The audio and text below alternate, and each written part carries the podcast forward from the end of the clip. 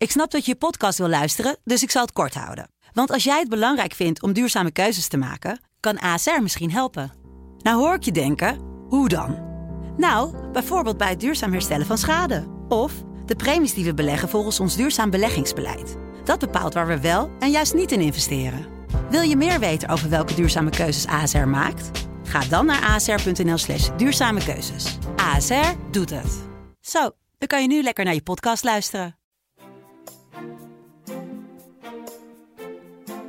Dit is Kwestie van Centen, een podcast van de Financiële Telegraaf. Met Martin Visser en Herman Stam. Hartelijk welkom. Deze week was natuurlijk het afscheid van Mario Draghi, de ECB-president. Uh, Dorinde Meuzelaar is in onze studio. Die is naar Frankfurt afgereisd om, hem, uh, om de Italiaan feestelijk uit te luiden. Whatever it takes. Whatever it takes. Mario Draghi. Dorinde is daar gewoon bij. Uh, je gaat ook nog weer naar Lagarde als zij haar eerste persconferentie doet. Ja, ja, over zes weken dan ga ik weer, weer die kant uit. En dan, nou ja, we hebben nu het, het, afscheid en dan volgende, volgende keer luiden we erin. Ja, nou, we gaan hem eens eventjes we gaan eens even bespreken wat die allemaal betekend heeft uh, voor de Europese economie. Uh, we gaan ook even vooruitblikken wat Lagarde allemaal gaat doen. Uh, ik wilde eerst eens eventjes praten richting het de, de, de, nou, het meest belangrijke moment wat hij heeft gezegd. Dat whatever it takes speech in Londen. En daar gaan we nu eerst eventjes naar luisteren. There is another message that I want to tell you today. Is that within our mandate, within our mandate, the ECB is ready to do whatever it takes to preserve the euro. And believe me, it will be enough. Ik dacht al dat het afgelopen was na whatever it takes. Maar er kwam nog iets bij, hè? Uh, believe me, it will be enough. Um, ja, hij werd een beetje eerst afgeschilderd als een soort Super Mario. Daarna hadden de Duitsers hem omgedoopt tot Graaf Dragila. Die onze spaarkassa uh, leegzuigt. Uh, Martin, laten we daar eens even mee beginnen. Wat is het nou voor jou? Super Mario of Graaf Dragila? nou, ik ben er wel heel... Ja, ik heb er wel een heel gemengd beeld over. Nou, Um, ik ben nooit zo enthousiast geweest over het enorme stimulerende beleid. Wat ook onlangs in zijn ene laatste rentevergadering gewoon allemaal opnieuw is opgepakt. Waar volgens mij weinig aanleiding voor is. Um, je ziet dat er ook steeds meer kritiek op hem is. Dus uh, ja, ik ben geneigd om hem vooral door die bril ook te zien. En dat whatever it takes is natuurlijk wel een, uh, heel duidelijk keerpunt in de eurocrisis geweest. Nou ja, toen, uh, toen zaten we nog met onze neus bovenop over die, die eurocrisis. Allemaal problemen in een heel aantal Zuid- Zuid-Europese landen en ook in Ierland. En tegelijkertijd heb ik ook daar altijd een beetje een gemengd gevoel over gehouden. Um, omdat ik, bedoel, hij was dan wel zogezegd de redder van de euro. Want door te zeggen van nou, ik zeg alles doen in mijn macht om de euro overeind te houden. En geloof me, het is genoeg. Uh, wordt hij gezien als degene die weer rust en stabiliteit bracht in de financiële markten. Um, maar als je het heel, ja, toch misschien een beetje puristisch bekijkt, is het uiteindelijk niet aan hem om dat te beslissen. Uh, Um, natuurlijk, een centrale bankier um, moet zorgen, uh, zorg dragen voor de financiële stabiliteit en voor de euro, zolang als de euro er is. Maar als de politiek besluit om er een totale janboel van te maken, vraag ik me toch eerlijk gezegd nog altijd af of het wel uiteindelijk aan Mario Draghi is om te zeggen van nou, ik neem gewoon de verantwoordelijkheid op me. Ik zal dus inderdaad alles doen. We hebben gezien wat dat is. Dat is nogal wat om de boel overeind te houden. Ik vond het interessant dat onlangs was er een hoorzitting in de Tweede Kamer dat ging over de rente, maar het ging uiteindelijk over veel meer. Daar zat Hans Hoogvorst ook, oud-minister, uh, onder andere. En die was zelfs inderdaad over deze uitlating ook kritisch. Wat wel uh, ongekend is, want bijna iedereen is unaniem erover eens dat dit een hele goede move was toen in zomer 2012. En die zei ook van ja, dat was een moment bijvoorbeeld dat de Italiaanse staatsschuld overduidelijk onhoudbaar was. En door dit te zeggen, uh, gaf die beleggers een reden om de paniek te dempen, gingen de rentes omlaag en werd die schuld weer houdbaar. En de veronderstelling van Draghi was destijds dat er een soort overreactie was op de financiële markten. Dat de rentes zo hoog waren, die gaven niet meer het werkelijke risico weer. Dat kun je betwisten. Je kunt mhm. je afvragen of dat misschien niet toch wel het geval was. En dat hij, uh, dat hij iets in de markt heeft gedempt, dat dat terecht zat. Ja. Uh, dus in die zin ben had ik je, daar... Had je toen ook al dat gevoel, toen de, gewoon het moment na die speech? Dat nou, dacht van, uh, nou. dat weet ik eerlijk gezegd niet. Ik bedoel, ik kan wel, ik denk wel dat we in eerste instantie verrast waren over het effect van die woorden. Want hij had zulke dingen al vaker gezegd. Alleen deze keer was het heel erg stellig. Het was een cruciaal moment. Hij had ook wel vaker gezegd. dus ik, als ik terugdenk, Nee, en, en, als ik dat even mag aanvullen, mm. het waren natuurlijk ook niet die woorden. Vlak daarna, hè, de, de ECB die werkte toen aan een soort uh, steunprogramma. Er moesten snel alle details van uitgewerkt worden. En toen kwamen ze ook met het uh, OMT-programma. En dan uh, zouden Even uitleggen wat OMT-programma oh, is. Outright Monetary Transmissions, Transition. Nou, dat Daar wil ik vanaf zijn. Maar ehm, eh, daarmee zou de ECB dan obligaties van landen kunnen kopen die in de problemen kwamen, als die landen dan allerlei hervormingen zouden door, doorvoeren. Dus eh, toen kwamen ze ook wel met een programma. Weet je, de ECB was op dat moment de enige die die vuurkracht had. Uh, toen waren er verder ook geen, niet echt heel erg Europees. We, hebben nu een Europees steunfonds. Uh, dat bankentoezicht is veel Europeeser geregeld. Uh, ze werken hard aan een kapitaalmarktunie. maar dat was er op dat moment niet. Dus het gevoel was, en de praktijk was ook wel, dat de ECB de enige was die wat kon doen. Nou, daar kan je inderdaad over discussiëren of dat nou de bedoeling was. Maar ja, het, uiteindelijk heeft, uh, heeft de politiek die, die is, heeft toen niet heel erg doorgepakt. En de ECB heeft toen heel erg die rol op zich genomen als, als crisisbestrijder. Mhm. Nee, dat klopt. Er was, uh, in, in die zomer was vlak daarvoor een, belangrijke Europese top geweest. Waar besloten werd tot de Europese Bankenunie. En er werd een beslissing genomen over dat noodfonds. Maar ik ben het niet helemaal mee eens dat de ECB de enige was die iets kon doen. Het was de enige die iets deed. Ik weet nog dat toen de, de, de regeringsleiders ontzettend zaten te bakkeleien over dat, over dat noodfonds. Uh, toen het aanvankelijk kwam, was er zo'n zo'n tijdelijk noodfonds, het EFSF, uh, eh, waar toen Griekenland uit nog werd, werd, uitbetaald. En het algemeen idee was van er moest een enorm noodfonds komen, maar het moest eigenlijk geen geld kosten. Dus er werd een ingewikkelde constructie bedacht met allerlei garanties die landen gingen afgeven. En uiteindelijk mocht het dan mocht er niet. Eh, de, eerste steun van Griekenland werd echt rechtstreeks overgemaakt uit de verschillende landen. En vanaf dat het noodfonds er kwam, was het toch een hele andere constructie. Uh, dus het was de politiek zelf die voortdurend niet voldoende leverde om dit weg te nemen. En dan snap ik wel, dan blijft alleen de ECB over. Maar uiteindelijk blijft het wel een heel lelijk moment, vind ik, in de eurocrisis. Want ja, hier heeft de politiek het laten zitten en pakt de centrale bank het over. En ik denk dat iemand als Hans Hogevorst misschien wel erg kritisch is op deze uitspraak, maar wel terecht zegt. Ja, daarna hebben we gezien wat whatever it takes betekent. Want dat werd natuurlijk echt een soort vrijbrief, ook daarna, om echt van alles nog wat te doen, whatever it takes. Ik bedoel, die, die, die, bedoel, later kwam natuurlijk het opkopen van staatsobligaties. Nou, mm Kwantitatieve verruiming, QE. Ehm, daarmee werd de ECB een hele grote koper in de markt. Ze gingen een kwart tot een derde van staatsschulden opkopen. Ja, dan wordt op een gegeven moment natuurlijk uh, als een soort wonder worden alle staatsschulden ineens houdbaar. En dat is wel, uh, daarmee heeft de ECB, terwijl ze misschien een monetair doel hadden, ook wel een enorm politieke rol gespeeld. En ja, dat kan je zeggen, dat is een soort bijeffect. Nou, het is wel een heel groot bijeffect. Ik wil niet alleen blijven hangen bij dat whatever it takes moment, maar ik ga je toch even vragen. Uh, bij 9-11, dat soort gebeurtenissen weten journalisten altijd precies waar ze zijn. Mhm. Jij uh, als ECB, ik wil het zeker hier niet mee vergelijken, want het, is, het leed is veel erger geweest nu. Maar wel, weet je, was je daar überhaupt bij? Waar, waar, waar was je? Uh, nou, ik was niet bij die speech in Londen. Ik was nog beursredacteur bij, bij DFT. En ik weet wel dat, ik kan me nog wel herinneren, dat nou ja, die beurs die reageerde heel heel, heel, heel heftig. En, en toen was het idee van, oh, nou, we zijn gered. En, en uh, Mario Draghi, die was dan uh, de man die dat allemaal ging, ging fixen. Um, dus die paniek, die was toen, toen wel uit de lucht. Dat was wel ja. een, een heel, heel opvallende draai. Ja, ja. Nee, ik weet het ook niet meer hoor. En het zou me niet verbazen als ik het aanvankelijk niet als nieuws had opgepakt. Maar de reactie van de financiële markten was mm -hmm. duidelijk wel.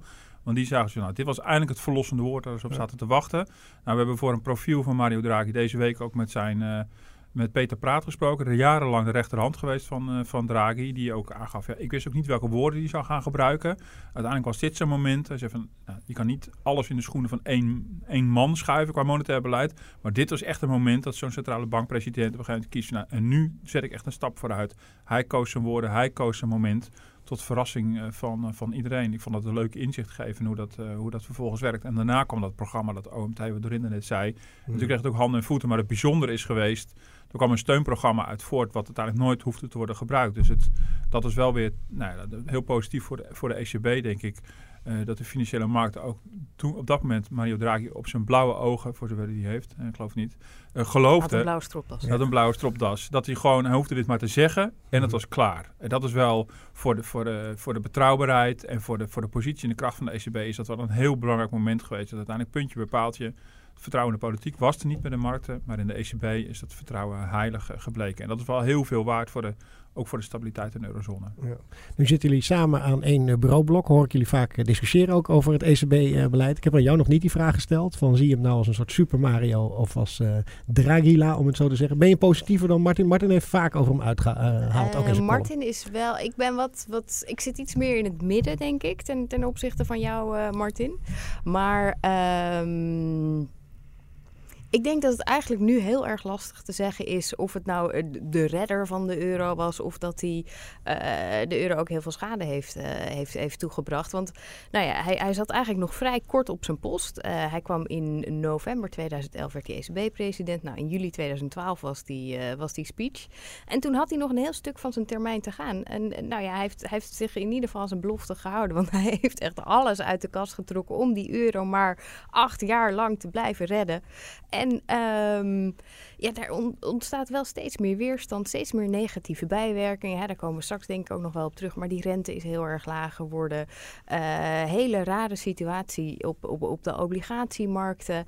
En dat is iets wat echt nog heel erg lang bij ons blijft. En ik denk dat je dan, uh, weet je, zolang dat nog duurt, is het heel lastig te zeggen hoe, ja, hoe, hoe krijg je die geest weer terug in de fles, uh, zou ik het bijna willen omschrijven. Dus ik denk dat het eigenlijk nog te vroeg is om de balans op, op te nou, maken. En wat ik ingewikkeld vind en ook fascinerend is dat uh, toen we eenmaal midden in die crisis zaten, toen keken we terug naar de periode Greenspan bijvoorbeeld. En dan zeiden we van ja, het kwam ook onder andere door Greenspan. De Amerikaanse vorige centrale bankvoorzitter. Ja. Die werd toen heel erg gezien als, als de, um, nou ja, de, de, man die alles kon. En, ja. en uiteindelijk zijn zijn erfenis is ook heel erg... Uh... Vanwege zijn ruime monetaire beleid de rente was veel te laag. Uh, dat is een van de aspecten die achteraf dan uh, gezien wordt. Nou, misschien was dat een van de, de grondleggers voor die crisis. Een veel te, veel te ruim beleid waarbij er veel te veel risico werd genomen. En nu is het aparte dat nu hebben we dan in Europa Mario Draghi. Ik bedoel, dat is de eerste ECB-president die nog nooit de rente heeft verhoogd. Hij heeft hem alleen maar verlaagd. Hij is massaal staatsobligaties gaan opkopen. Overigens niet als enige. Andere, alle andere centrale banken hebben dat ook gedaan. Maar we zitten nu in een situatie met een krankzinnig lage rente. Ja, en ik vraag me dan af van, uh, en ik niet alleen, uh, is dit weer een nieuwe basis voor een volgende crisis? Nou, je ziet Nout Welling en een paar internationale oud-centraalbankiers, die spreken dat ook heel hard uit, hebben een manifest gemaakt. Waarin ze ook zeggen, dit is de basis voor de volgende crisis. Bedoel, die rentes zijn veel te laag. En ik ben helemaal met erin de eens. Ik bedoel, de geschiedenis moet het uitwijzen. Ik ben soms heel kritisch in mijn columns. Maar uiteindelijk, uh, ook iemand als Klaas Knot, die heel kritisch is, uh, geeft ook aan van, ja, je pas over 10, 20 jaar kunnen eigenlijk pas de echte geschiedenis van, uh, van, van, van dit ECB-beleid schrijven. En dan pas weten we echt zeker hoe het heeft uitgepakt. Mm. Maar ik vind het wel een heel groot risico. Ik vind het wel echt een, echt een groot monetair experiment wat hier is uitgehaald. Nou, en als spaarders en als pensioenspaarders merken we daar dagelijks nog de gevolgen van. Ja. En ook als huiskopers. Ja. Kan je het nou zo uh, politiek maken door te zeggen van ja, uh, dit kon je ook wel verwachten als je een Italiaan op deze post zet. Uh, er, er, gaat meer geld nu naar de Zuid-Europese landen, de noordelijke landen, ontevreden over rentes. Ja, ik vind dat altijd ik, ik begrijp die verdenking wel, maar ik vind ook een beetje een, makkelijk, uh, makkelijk verwijt. Uh, nou ja, Martin, we hebben deze week veel mensen gesproken die ook met Draghi hebben samengewerkt. En daarin zeiden ze ook wel van, nou ja, dat is, hij heeft heel veel kritiek te verduren gekregen. En over het algemeen liet hij dat ja, vrij makkelijk van zich afglijden. Maar dat, dat, dat zat hem wel dwars. Um, kijk, het is natuurlijk wel zo dat uh, de zuidelijke landen, die hebben er heel veel aan gehad dat die, ja, dat die de rente zo drukte dat die staatsschuld niet, uh, niet veel, uh, veel nijpender werd. Aan de andere kant. Mm, ja, weet je, ook, ook de Nederlandse en de Duitse rente zijn extreem laag. Als Nederland nu uh, langjarig geld uit de, uit de markt haalt, dan, dan krijgen we daar geld op hmm. toe. Dus zie je een verschil in hoe de kritieken nu zijn, nu die afscheid heeft genomen uh, in de Zuid-Europese pers en in uh, Noord-Europese pers, dat die andere recensies krijgen? Nou, dat, dat was altijd wel zo. Want zeker uh, noordelijke landen, Duitsland voorop en, en Nederland daar heel dicht, uh, dicht achteraan. Die waren altijd heel kritisch. Uh, graaf Draghi, la Draghi, en zijn bazooka. Nou, dat was allemaal, was allemaal helemaal niet nodig. Terwijl in de zuidelijke landen was hij, vonden ze juist van ja, hij laat ons een beetje in de kou staan. in Griekenland is hij bijzonder impopulair mhm. ook. Um, dus ja, weet je, kijk, dat, dat is misschien ook wel het, het manco van de ECB. Ze moeten één beleid maken voor 19 heel erg verschillende landen. Mm Jullie zijn uh, lang bezig geweest met het portret wat je ook nu in de krant had. Uh, even op de persoonlijke noot. Want uh, voor mij blijft hij altijd nog een beetje een mysterie. Maar ik af en toe grappen dat hij signalen afgeeft met zijn stropdas. Wat niet echt waar blijkt te zijn. Maar van, oh, hij heeft vandaag rood aan. De rente gaat weer naar beneden. Maar wat weten we eigenlijk nog meer van hem? Wat, wat, waar zijn jullie achtergekomen dingen dat je dacht van, nou, dat wist ik nou nog echt niet?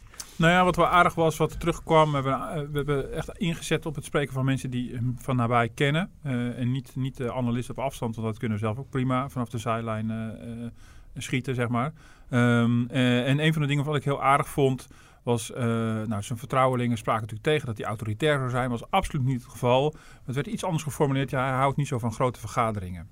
En uh, dus is iemand die blijkbaar, dat was bijvoorbeeld het beeld dat Peter Praat uh, ook schetste, die blijkbaar heel vrijelijk kan discussiëren in een kleine kring met zijn staf, met zijn naaste medewerkers en daar ook gewoon open in zit. Blijkbaar werd daar nou, het beeld dat hij schetsen geloof ik erin, dat er uren voor uit werd getrokken. Ik kan me dat nauwelijks voorstellen, maar goed.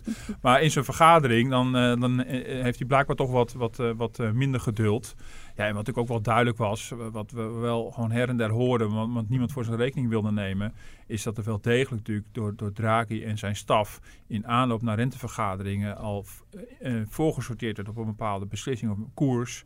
En dat werd dan gelekt naar internationale media. En dan, nou, was het publiek bekend. Dan werd het op de markt werd het ingeprijsd. Ja, en dan kon je ook niet heel veel anders mhm. meer doen dan dat. En dat is een, dan, dan, dan, dan die koers te volgen. En zo bepaalde Draghi natuurlijk ook wel de, de agenda van, van, die hele, uh, van, van het hele ECB-bestuur. En dat ging steeds meer irriteren bij met name de noordelijke uh, centrale bankiers. Van onder Klaas Knot, die, die manier van werken. Van dan kon je niet anders meer.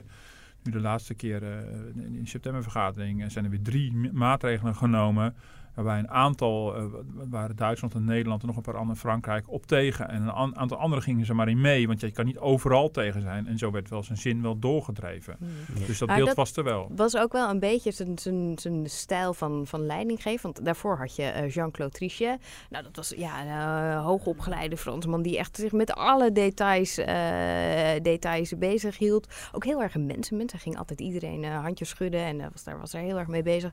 Draghi was veel meer their Ehm, ja, een Einzelganger in die zin. En ook heel erg van, nou, hij had een soort, soort algemene visie. Daar moesten we heen. En voor de rest liet hij ook heel veel dingen heel erg vrij. Dus ja, in, dat, dat klopt ook wel met dat beeld van, nou ja, hij heeft een bepaalde visie. Daar moeten we heen. En uh, nou ja, dan gaat hij door de roeien en ruiten om, om iedereen zo ver te krijgen. Ja.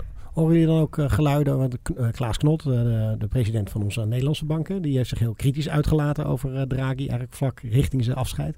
Hoor je dan ook als je met zo'n reconstructie bezig bent, hoe precies die vergaderingen gaan? Van hoe hard het gespeeld wordt, dat spel, als ze bij elkaar zitten in Frankfurt? Nou ja, hoe zo'n vergadering precies gaat, dat is best lastig uh, om daar, daar heel erg een beeld uh, van te krijgen. Want ja, ook de centrale bankiers die daar aan tafel zitten, die willen daar eigenlijk ook niet heel erg veel over kwijt. Wat we wel weten is dat, nou ja, vooraf wordt er een, een, een soort voorstel gepresenteerd. Dat werd bijvoorbeeld gedaan door Peter Praat. Die, die ging dan over al die ramingen en die kwam dan met een soort, soort plan. En daarover wordt dan gestemd. Maar dat is ook een beetje, ja, verneukeratief bijna. Want ja, al die, die centrale bankiers, die, ja, ze stemmen over dat plan. Dus het is niet alsof, ze kunnen, eh, alsof ze dan nog heel makkelijk kunnen zeggen van... oh, maar kunnen we niet zo'n plan doen of zo'n plan? Dus in die mhm. zin kan zo'n ECB-president kan ook ja, best, best bin, uh, richting uh, een, bepaalde, een, een, een, bepaalde kant uitsturen. Um, en dat hoorde je ook, uh, die, die septembervergadering, daar ging dat ook behoorlijk. Uh, nou, daar, daar heeft hij heel erg veel uh, vrevel mee, mee opgewekt. Omdat toen mensen zeiden van ja, het, het plan wat er uiteindelijk doorheen gedrukt werd, daar hadden we, we hadden nauwelijks tijd om dat, dat goed te bekijken. Dat werd heel erg, ja, toen, toen werden heel veel centrale bankiers voelden zich echt voor het blok gezet. Nou, en dat leidde ook tot hele heftige reacties. een dag na de vergadering kwam Klaas Knot met een officiële verklaring van nou, ik ben het hier niet mee eens. Mhm. Dat is echt uniek uh, voor, voor centrale banken. Die, die, die lossen dat meestal binnenkamers op. En dan nog eens zo'n verklaring heel netjes, hè? Want wij vertalen dat als het heel heftig is. Maar ik denk dat die vergadering heel relatief formeel gaat met, uh, met uh, iedereen mag zijn zegje doen en een rondvragen, weet ik wat allemaal. Uh, want als je die verklaring van DNB terugleest, is het allemaal heel geserreerd opgeschreven. Maar voor centrale bankenland is het dan al. Is dat al nee. is enorm? enorm. Is net zo goed als je als Draakje zijn woorden, natuurlijk, dat zijn voorgangers ook heel precies moest kiezen in persconferentie. Van de, de kleinste afwijking van de maand daarvoor wordt meteen geïnterpreteerd mhm. door de financiële markten. Dus het is echt allemaal millimeterwerk. En ik denk dat die mensen zo ook met elkaar, uh, met elkaar omgaan. En het is natuurlijk een hele Poolse landdag ook, zo'n zo'n uh, zo'n zo'n vergadering. en daarom werkt het ook zo. Maar het heeft mij altijd verrast dat in, in aanloop naar, uh, naar zo'n rentevergadering uh, lekt er wel eens wat uit. Maar dat is altijd strategisch. Maar het is niet zo dat er hele stukken op straat liggen. Het wordt een heel klein comité wordt het voorbereid. En ook voor de, Voor de bestuurders zelf, die kunnen ernaar gissen wat er ongeveer op tafel zal liggen. Maar uiteindelijk moeten ze in vrij korte tijd dan daar ja tegen zeggen. Ja. Uh, je noemde wel een paar keer hè, Klaas Knot. Uh, jullie hebben ook een uh, prachtig interview met hem gehad. Hij had, had die brief geschreven en daarna kwam hij de krant halen. Die vond ik nog wel wat meer uit dan in de, in de brief zelf. die avond zat hij ook bij Nieuwsuur en toen zei hij dit over het rentebeleid. Het klopt dat de, die structurele kapitaalmarktfactoren die leiden tot een zeer, zeer lage rente. En omdat de ECB een mandaat heeft van prijsstabiliteit en haar inflatiestreven op dit moment te laag is is het zo dat de ECB daar nog een schepje bovenop doet. Maar dat doet ze om haar inflatiestreven te behalen. Dat doet ze niet met het oog op de Nederlandse pensioenwereld. Dat, dat, kan de, e, dat kunt u niet van de ECB verwachten. Dat de pensioendiscussie in Nederland een rol speelt in de vaststelling van haar monetair beleid. Ja, Martin, kunnen we dat niet verwachten van de ECB? Nou ja, je ziet, hier zit Klaas Knop totaal klem. Dat was in ons interview ook het geval. We hebben hem allemaal dingen voor de voeten geworpen die heel veel van onze lezers van mij zich afvragen. Uh, en waarvan we ook het vermoeden hebben dat Klaas Knop daar wel, daar wel begrip voor heeft, maar ook tegelijkertijd in zijn rol als centrale bankier daar behoorlijk weinig mee kan. Want eigenlijk wat het verhaal is, die rente wordt omlaag geduwd, dan wel via de gewone renteknop, dan wel door allerlei staatsobligaties op te kopen, omdat onze inflatie te laag is. Dus eigenlijk zegt de ECB tegen, tegen pensioensparers, beste spaarders, omdat de inflatie, omdat de prijzen niet met 2% stijgen, maar met 1%, gaan wij um, het, uh, uw pensioenfonds heel moeilijk maken gaan we uw spaarrente terugdouwen naar 0,01%. Dat is natuurlijk geen verhaal. Dat is in, in, in centrale bankenland, in de monetaire wereld is dat heel normaal. Want de ECB heeft een, eigenlijk maar één en belangrijkste doelstelling. En dat is nou de inflatie. Dat, de, dat, dat er een, een inflatie moet zijn van bijna 2%. Zo hebben ze dat uh, zelf omschreven. Uh, dat is alleen bedoeld om te voorkomen dat op een gegeven moment dat je in deflatie terechtkomt. Maar wat heeft nou een gemiddelde pensioenspaarder daar nou mee te schaften? Dus je ziet ook hoe ingewikkeld het is geworden om dit beleid nog uh, uit te leggen. Uh, voor mij zit de worsteling waar, waar Klaas Knot ook mee zit. En misschien andere centrale bankiers ook. En wat ik de irritatie in Nederland is, en dat vind ik een hele begrijpelijke irritatie, is dat dat Mario Draghi en alle andere voorstanders, en daar heeft steeds wel een meerderheid en bestuur voor gehad, denkt ja, weet je, wij zijn alleen met die inflatie bezig, we zijn met het monetair beleid bezig en al, al het andere is collateral damage. Dat zal allemaal wel. Mhm. Dat lossen ze nationaal maar op. Ja, daar zit je dan uh, als pensioenfonds. Bedoel, uh, dan, heb je, dan heb je het er maar mooi mee te doen. Uh, en, en daarom vind ik dat wel echt wel problematisch. Nou, wat, wat, wat, wat Dorinde ook zegt, ja, dit is, dit is beleid voor, voor, voor heel veel verschillende landen met allerlei verschillende gevolgen ja, dan moeten we dan maar mee dealen. En dat geeft toch ook, ook bij politici een groot gevoel van machteloosheid. Van, moet het maar over ons heen laten komen. En het lijkt wel of, of Draghi in ieder geval voor die gevolgen in een land als Nederland uh, helemaal geen oog heeft gehad. Ja. Nou ja, hij eh, reageert er in ieder geval. Hè, er, er, is hem ook wel eens naar gevraagd. En dan reageert hij altijd heel, heel kort af en heel ja, technisch eigenlijk. Ja. Van ja, maar wij hebben ons mandaat en dat moet allemaal. Maar dan denk ik van ja, je laat mensen voor wie jij dat beleid maakt, je legt het niet goed uit. Je laat ze wel in de kou staan. Tegelijkertijd wil ik daar wel als nuance bij zeggen. Kijk, die rente is al aan het dalen, maar dat is niet een Europees fenomeen. Kijk, de ECB heeft de rente extreem verlaagd. Maar in Zwitserland, wat niet onderdeel is van de eurozone, is de rente nog lager. In Denemarken is die ook negatief. Um, dus er zijn ook een heleboel wereldwijde structurele factoren waardoor die inflatie en die rente heel erg omlaag gaan. Maar dat is tegelijkertijd ook um, iets, iets waar, waar bijvoorbeeld Knot zich ontzettend over kan opwinden. Want um, ja, je kunt als ECB allerlei maatregelen doen, maar dit zijn structurele factoren waar je als centrale bank eigenlijk geen heel weinig uh, invloed op hebt. Dus ja, om, om dan zulke zware maatregelen in te gaan zetten voor iets wat, waar, waar je niet zo heel veel aan kunt doen. Ja, dat is wel heel, dat is heel moeilijk uit te leggen. Ja. Hoe gaat het nu verder in jouw ogen? Je krijgt nu uh, Christine Lagarde aan, uh, ja. aan, het roer, een Française. Ze begint geloof ik 1 november. 1 november. je mag ook nog even ja, tussendoor naar het afscheidsfeestje al, van Draghi als je zo ja, wil. Ja, nou ja, dat, journalisten moeten in hun hok blijven en die mogen daar alleen maar naar kijken. Dus dat, dat ga ik lekker niet doen. Okay. ze was ook al bij deze vergadering trouwens. Daar, daar mocht ze nog niet meestemmen. Ze is ook niet meegegaan naar de persconferentie, maar ze was wel in het in het gebouw. Mm -hmm. hij, kreeg, hij gaf nog bemoedigende woorden volgens mij aan zijn opvolgster. Never give up was het? Ja, nou ja, hij wilde eigenlijk... Hè, er is hem natuurlijk ook heel vaak gevraagd van... nou, wat, wat voor advies geeft u uh, uw opvolger? En daarvan zei hij van nou, uh, ze weet prima wat, uh, wat ze moet doen. Dus dat, dat heeft ze helemaal niet nodig. En dat never give up was eigenlijk een referentie naar de. Het werd, werd Draghi ook gevraagd van nou, hè, waar bent u nou zelf trots op? Of waar kijkt u nou met. Uh, hoe, hoe, kijkt u nou terug? Toen zei hij van nou, eigenlijk dat wij ons als ECB aan ons uh, mandaat hebben, hebben gehouden. En daar uh, als, als, als geheel bestuur ons volledig voor hebben ingezet. Never give up. Dan denk ik, nou ja, dat, dat, zo kan je het inderdaad zien. Want hij heeft er wel echt alles aan gedaan. Mm. Um, maar ik denk dat de belangrijkste taak voor Lagarde is om iedereen, al die kikkers weer in die kruiwagen te krijgen. Want er is nu zeldzaam veel, veel onvrede binnen dat ECB-bestuur. Uh, Draghi probeerde dat gisteren ook heel erg te downplayen, maar dat, ja, dat is niet heel geloofwaardig. Dus uh, Lagarde moet ten eerste zorgen dat, uh, dat er weer een beetje, dat, dat alle neuzen weer één kant op gaan.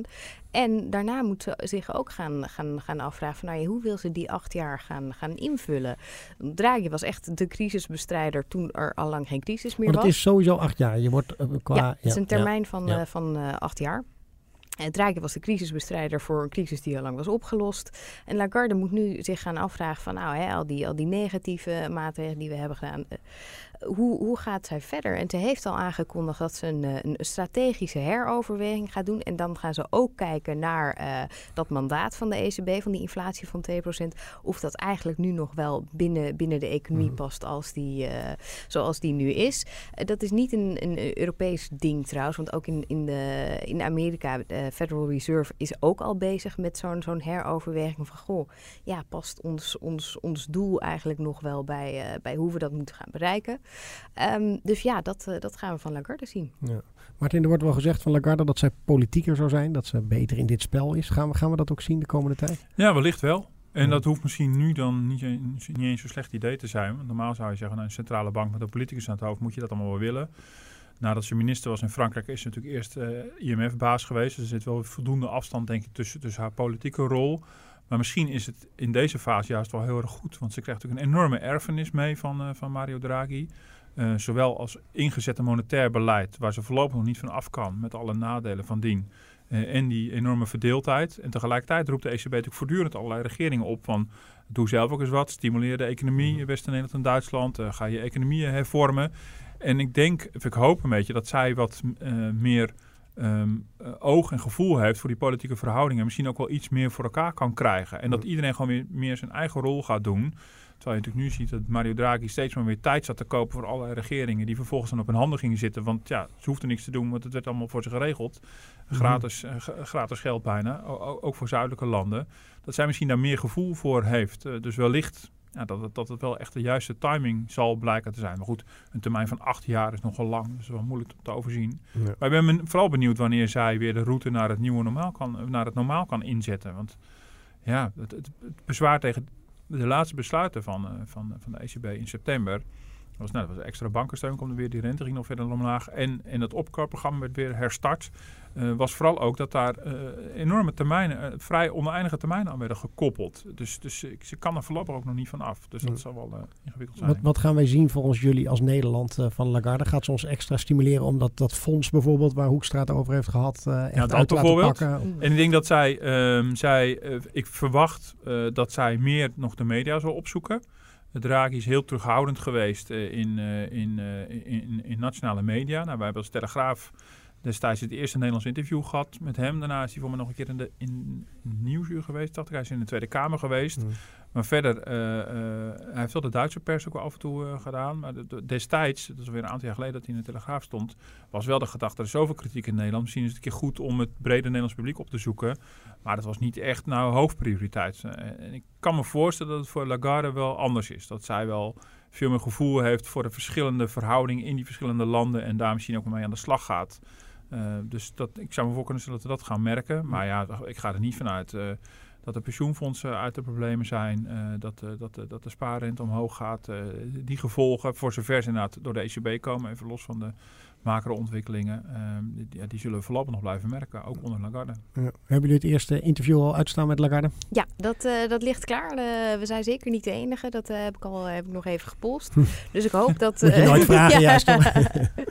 maar... Um, nou ja, in ieder geval afgaand op wat ze tot nu toe heeft gezegd, is ze inderdaad, eh, ook als IMF-baas zei ze al van Nederland, uh, ga je economie stimuleren, want je hebt daar echt wel uh, de ruimte voor. En ze heeft ook gezegd van nou, ik wil ook gewoon dat mensen die gewoon op straat lopen, dat die ook snappen waarom we dit allemaal doen. Dus ik denk dat ze zeker de, veel meer dat, dat verhaal moet, moet, moet gaan vertellen en dat ook, ook wil vertellen. En... Um, nou ja, eh, de, de verwachting is nog wel, want Draghi was natuurlijk een, een echt een, monetair econoom. Die had ook bij de Centrale Bank van Italië gezeten. Dus dat was wat dat betreft een vrij makkelijke transitie. En de vraag is nog wel een beetje of Lagarde echt die hele fijne details en, en echt, echt het technische eh, van monetair beleid, of ze dat ook, ook ja, snel in de vingers heeft. Of zij ook diezelfde diepte zal, zal opzoeken als, als Draghi. Dus nou ja, daar zal ze in ieder geval wel een beetje op, eh, op getest worden door de journalisten. Zes weken heeft ze nog de tijd volgens mij. En dan reis je ook uh, af naar uh, Frankfurt. Dan gaan we het zien. En dan hopen we eigenlijk uh, je weer te ontvangen in de podcaststudio om daarover te praten. Hoe dat allemaal beviel en wat je daar gehoord hebt. Gaan we doen. Martin, dankjewel. Dorinde, bedankt. u kunt ons beluisteren op Spotify en op iTunes. En u kunt ons ook mailen op podcast.dft.nl. Tot volgende week.